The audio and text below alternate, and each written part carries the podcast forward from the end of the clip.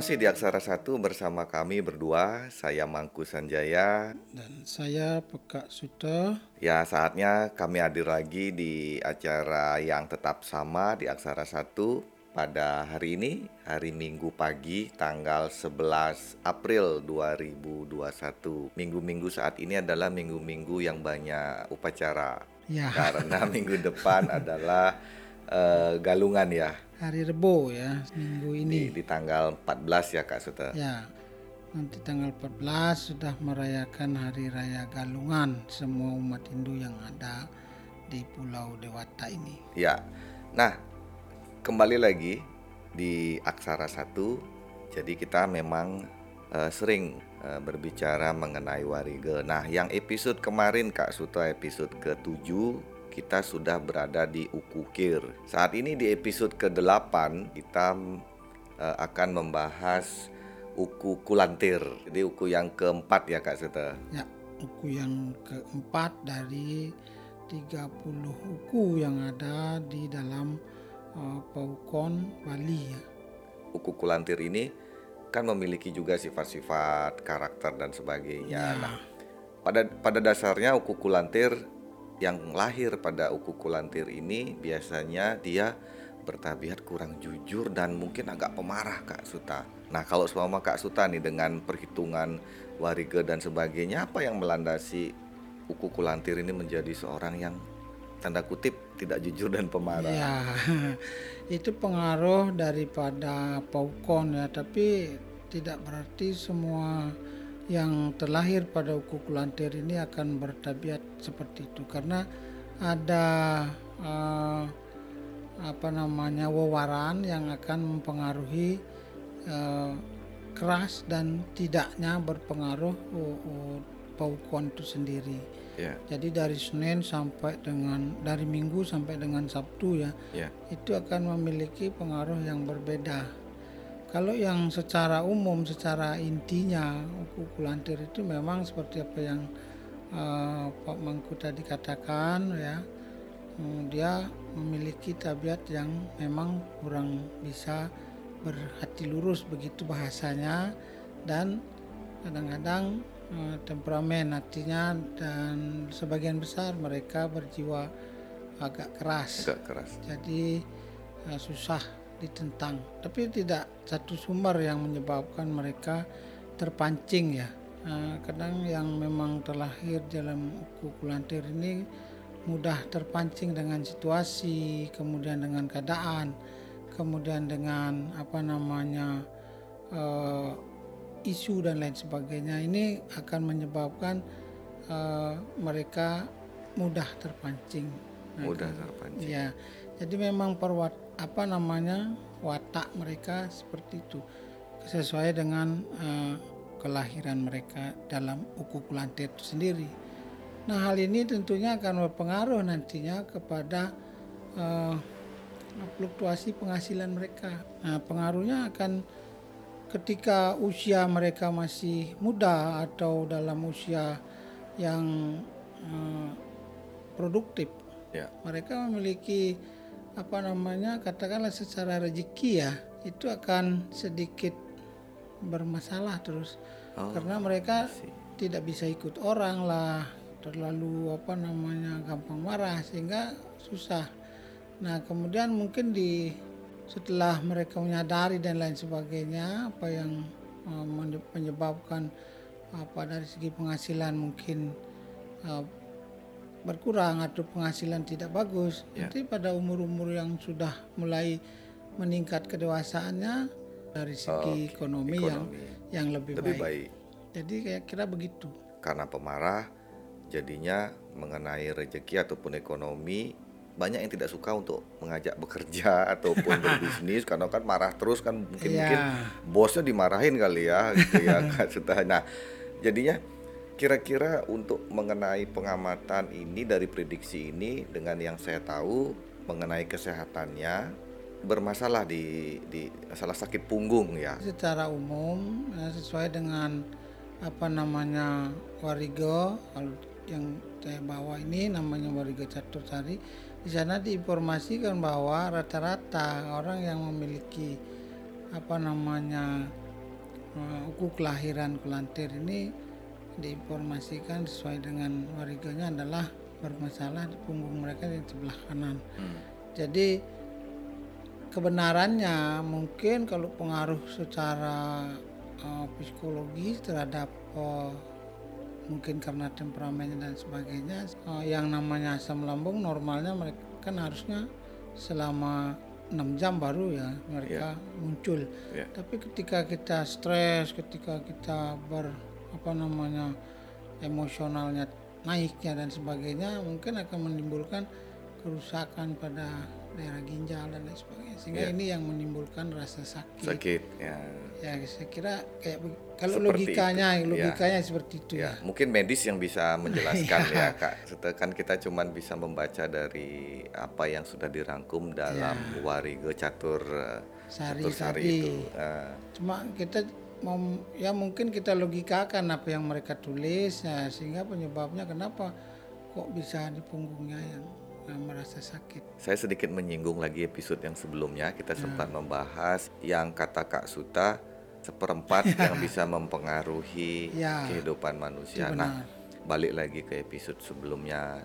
Pada dasarnya dalam Warige Catursari ini dijelaskan seperti yang kita bahas saat ini yaitu dengan karakter seperti ini istilahnya terus eh, ekonomi seperti yang tadi yang terus sakit ada di punggung sebelah kanan. Nah, kira-kira karena ada faktor di mana manusia itu juga bisa terbentuk dari lingkungan Ya, terutama itu yang sebetulnya lebih eh, dominan berpengaruh ya. Mungkin 3 per 4 persen daripada eh, perjalanan kehidupan ini atau apa yang terjadi dalam kehidupan ini disebabkan oleh eh, pengaruh lingkungan. pengaruh lingkungan. Ya, sementara yang seperempatnya adalah bawaan daripada kelahiran Kelahiran. atau yang disebut dengan subo asuba karma kalau dalam balinya eh, atau yang disebut dengan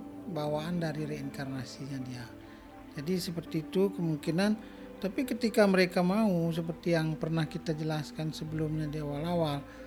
Nah, jadi yang kita eh, ingin pesan yang ingin kita sampaikan kepada masyarakat di sini adalah eh, warning atau yang disebut dengan antisipasi Iya, ketika mereka mungkin eh, walaupun belum tentu kebenarannya iya. tahu bahwa kelemahan atau kelebihannya ya antisipasinya atau justru yang menjadi target mereka bisa mereka lebih fokus jadi seperti itu Ya, jadi di aksara satu ini Kak Suto kan mungkin ada beberapa wuku yang eh, isi dari penjabaran wariganya itu mungkin kehidupannya bagus-bagus semua, ya kan? Istilahnya ada yang seperti kemarin ukir adalah ya masih sampai saat ini ukir menjadi wuku yang menurut saya paling bagus gitu kan karena ekonominya ada di fluktuasi tinggi dan sebagainya. Nah, maksudnya adalah di aksara satu ini Kak Suta kalau semama kita menjabarkan isi dari warigo itu adalah yang bagus-bagus, berarti jangan menjadi orang yang terlalu terlalu sombong jadinya. Jadi takabur ya ya takabur. Jadi kan itu juga menjadi warning kan. Jadi warning Ya. ada di kami itu adalah warning yang dari segi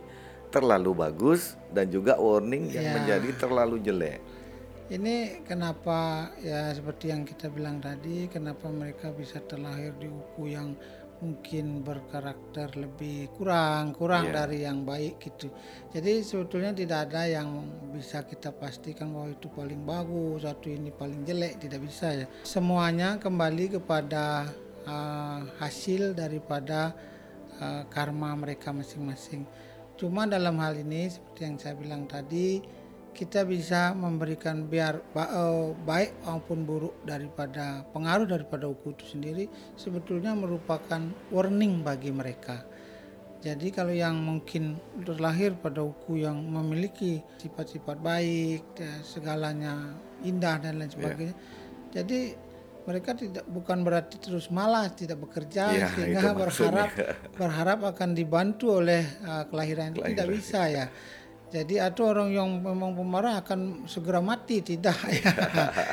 Jadi tidak begitu. Betul. Yang kita harapkan dari apa yang kita sampaikan ke masyarakat ini adalah tujuannya untuk supaya mereka bisa di mana mereka harus hati-hati di mana mereka harus lebih memfokuskan dalam bidang pekerjaan mungkin ya atau kalau sakit ya mereka harus hati-hati Dan juga Kak Suta mungkin ini adalah sebuah acara yang memang sifatnya hiburan tapi ada informasi bukan hanya kepada si si sang lahir ataupun si personnya atau si orangnya yang memiliki buku itu tapi juga un- untuk sebagai acuan ke lawannya. Ya ke orang lainnya. Dalam arti eh, saya pernah melihat beberapa perusahaan gitu kan jadi untuk menerima pekerjaan itu ada apa ya eh, apa ya saya nggak ngerti. Mungkin psikologisnya tes ininya tes ini tapi pada saat kita mengetahui ukunya nah contoh ini dari kelahiran.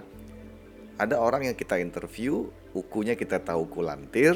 Eh, suatu saat nanti ketika orang sudah menyusun satu apa namanya eh, eh, spesifikasi tentang uku itu sendiri ya mungkin juga bisa jadi acuan buat para pemilik usaha, ya Usaha, ketika ya. mereka menginginkan untuk merekrut seseorang jadi mereka akan eh, memiliki bahan seleksi yang betul.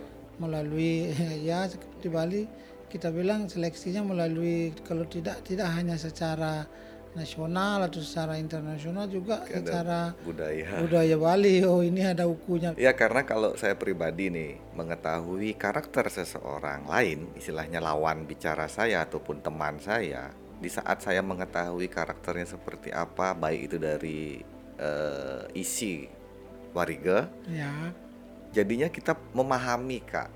Jadi istilahnya orang sedikit-sedikit marah, sedikit-sedikit tak marah, jadinya itu bukan sesuatu yang bukan hal yang spesial ya ya jadi istilahnya dia marah, ya memang begitu Iya, gitu. Sebenarnya dia tidak marah gitu. sebenarnya bukan artinya mungkin ya banyak orang yang mengatakan bahwa ketika kita memiliki sensitivitas yang tinggi maka orang melihat seseorang yang marah ini kadang-kadang menjengkelkan. Menjengkelkan ya Tapi betul. ketika kita menyadari bahwa itu tabiat mereka, Iya. jadi kadang-kadang marah juga ada benarnya karena ada yang kadang mendidik orang dengan militerisasi, ada yang dengan pendekatan persuasif dan lain sebagainya.